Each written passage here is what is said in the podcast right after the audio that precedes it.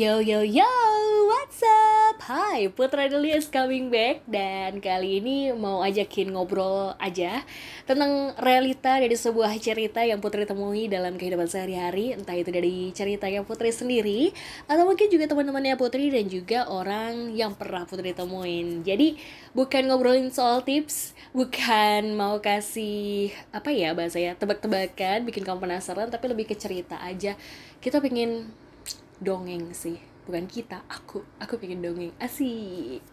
Jadi emang beberapa hari yang lalu Putri ketemu orang yang luar biasa hebat. Dia ngajarin Putri tentang bagaimana kita bisa untuk memanage keuangan kita. Semakin tinggi pemasukan kamu justru jangan semakin besar pengeluaran yang kamu lakukan gitu. Dalam artian adalah pertama kali gaji yang kamu terima adalah satu juta rupiah. Tapi pengeluaran kamu ratus ribu rupiah which is kamu masih punya sisa dua ratus ribu rupiah yang entah itu kamu kirim ke orang tua atau mungkin juga kamu tabung gitu. Tapi di saat duit kamu bertambah tiga kali lipat maka pengeluaran kamu juga jangan nambah tiga kali lipat gitu. Kalau bisa tetap aja di angka delapan ratus ribu rupiah seperti itu.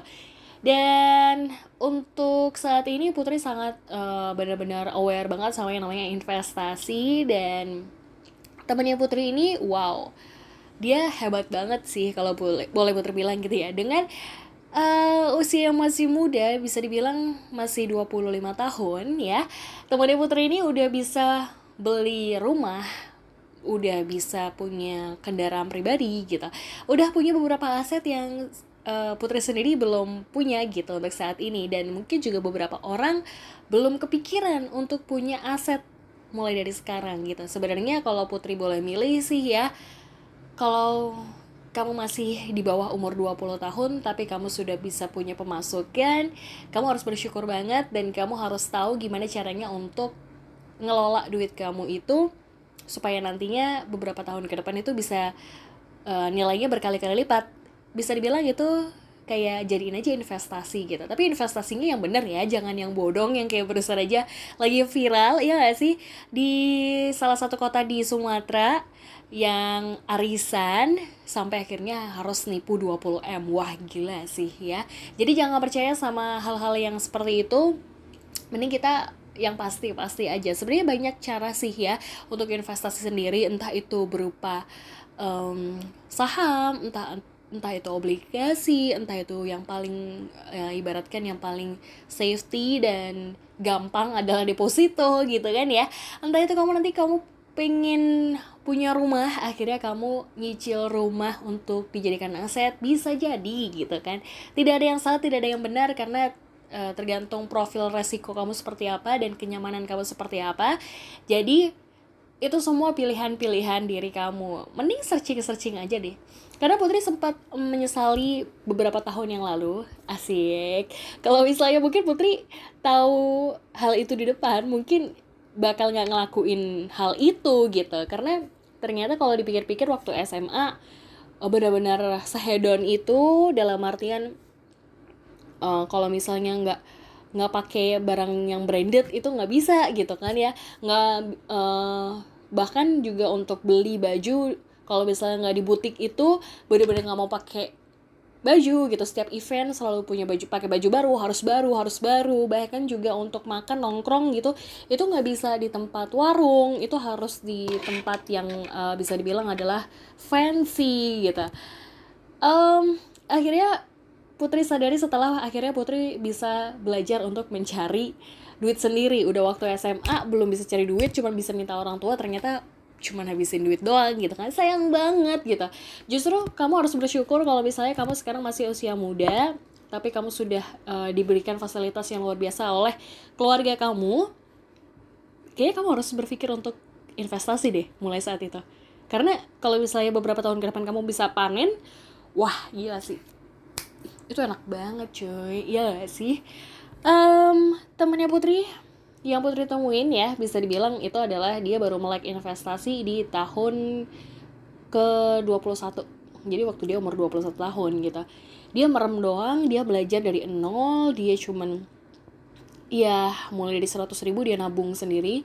Jadi dalam artian dia nabung adalah nabung dulu gitu. Dia belum punya duit sepeser pun tapi dia pengen punya duit yang nantinya dia pakai buat investasi gitu dia nabung 100 ribu dulu dia kumpulin kumpulin kumpulin selama beberapa saat kadang ya lebih dari 100 ribu pokoknya dia kasih patokan harga 100 ribu setiap bulan. Akhirnya kekumpul kurang lebih 5 juta rupiah dia investasikan untuk beli yang namanya adalah emas gitu.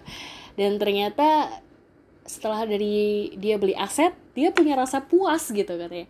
Katanya kayak oh finally umur muda gue masih bisa gitu loh dapat uh, sebuah aset yang punya nilai nantinya gitu.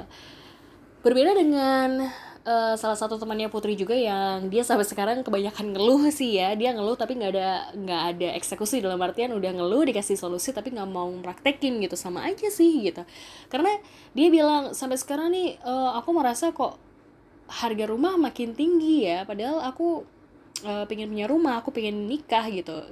Jadi kan uh, masalah kebanyakan dari beberapa laki-laki ya um, dia tuh bingung untuk nikah untuk yang muda dan belum nikah ya. Dia bingung biaya untuk nikah biaya untuk rumah dan lain-lain gitu.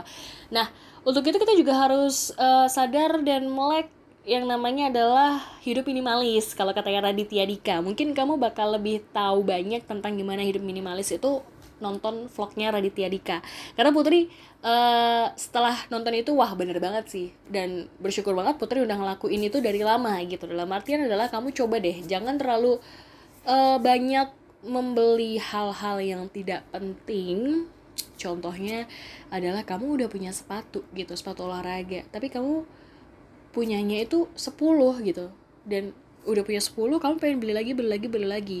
Kita tahu kan kalau sepatu olahraga itu adalah fungsinya untuk olahraga dan kamu nggak punya hobi untuk olahraga bahkan kamu tidak bekerja dengan sesuatu hal yang berhubungan dengan olahraga gitu. Terus buat apa beli terus gitu?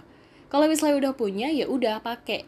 Jadi kalau misalnya kamu ngerasa uh, pengen punya barang satu kalau bisa sih beli yang netral gitu. Dalam artian adalah segala fashion segala apa pun itu kamu masih bisa pakai uh, sepatu itu gitu. Dalam artian punya lima pun cukup atau punya tiga pun cukup gitu.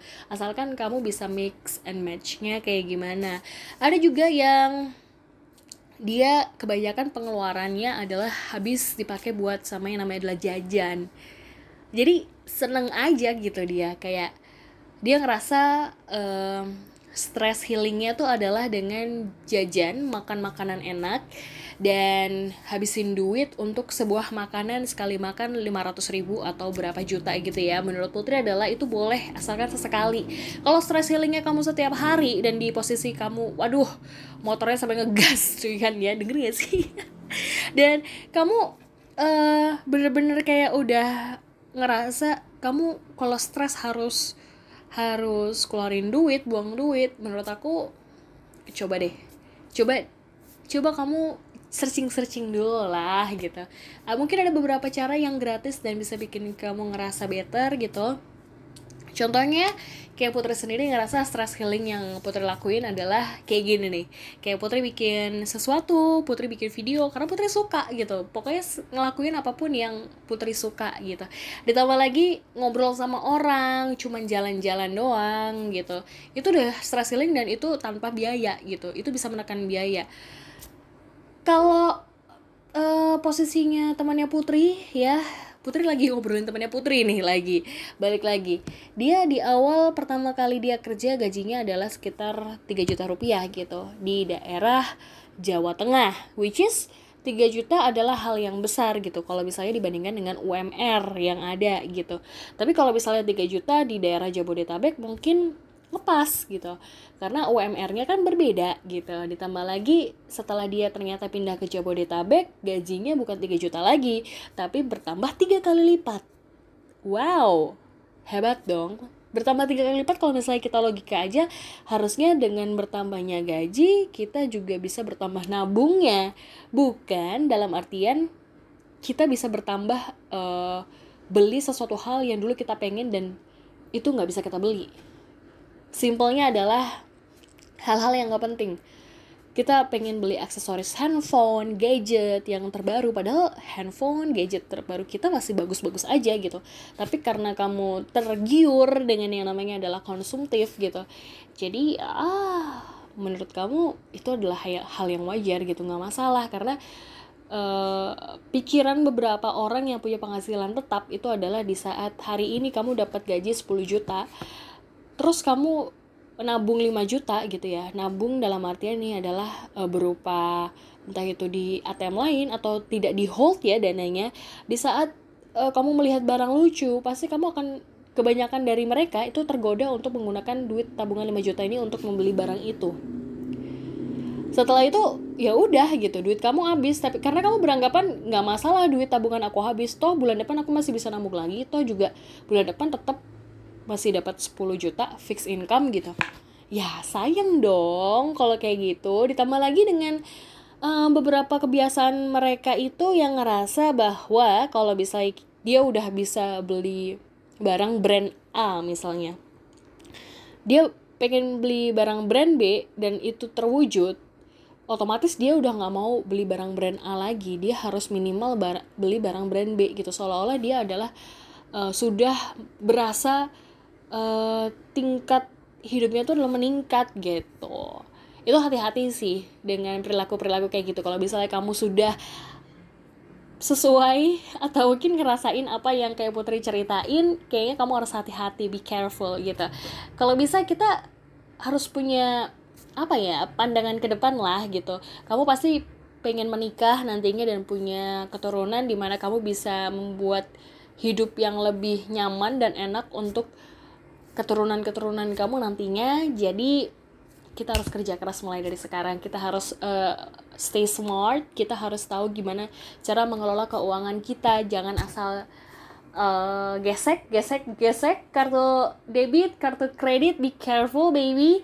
Ya karena kita juga harus punya patokan masing-masing. Jujur kalau putri sekarang benar-benar kebantu banget dengan cara pemisahan uh, fungsi-fungsi asik pengeluaran-pengeluaran di awal. Jadi habis gajian jebret. Misalnya uh, duit satu juta ya untuk gaji bulan ini. Putri langsung pisahin untuk makan 200 ribu. Untuk uh, orang tua uh, sekitar 500 misalnya itu. Sisa 300 ribu. Nah 300 ribu jangan lupa untuk diamalkan juga. Karena itu adalah gaji yang kita terima adalah masih ada hak dari mereka-mereka yang membutuhkan gitu. Jangan lupa ditambah lagi dengan pengeluaran-pengeluaran lainnya. Jangan lupa juga masukin target nabung kamu itu berapa gitu ya. Jadi kalau bisa begitu terima uang adalah kamu harus pisahin dulu. Benar-benar dipisahin. Jangan terlalu apa ya kayak ya udahlah gitu.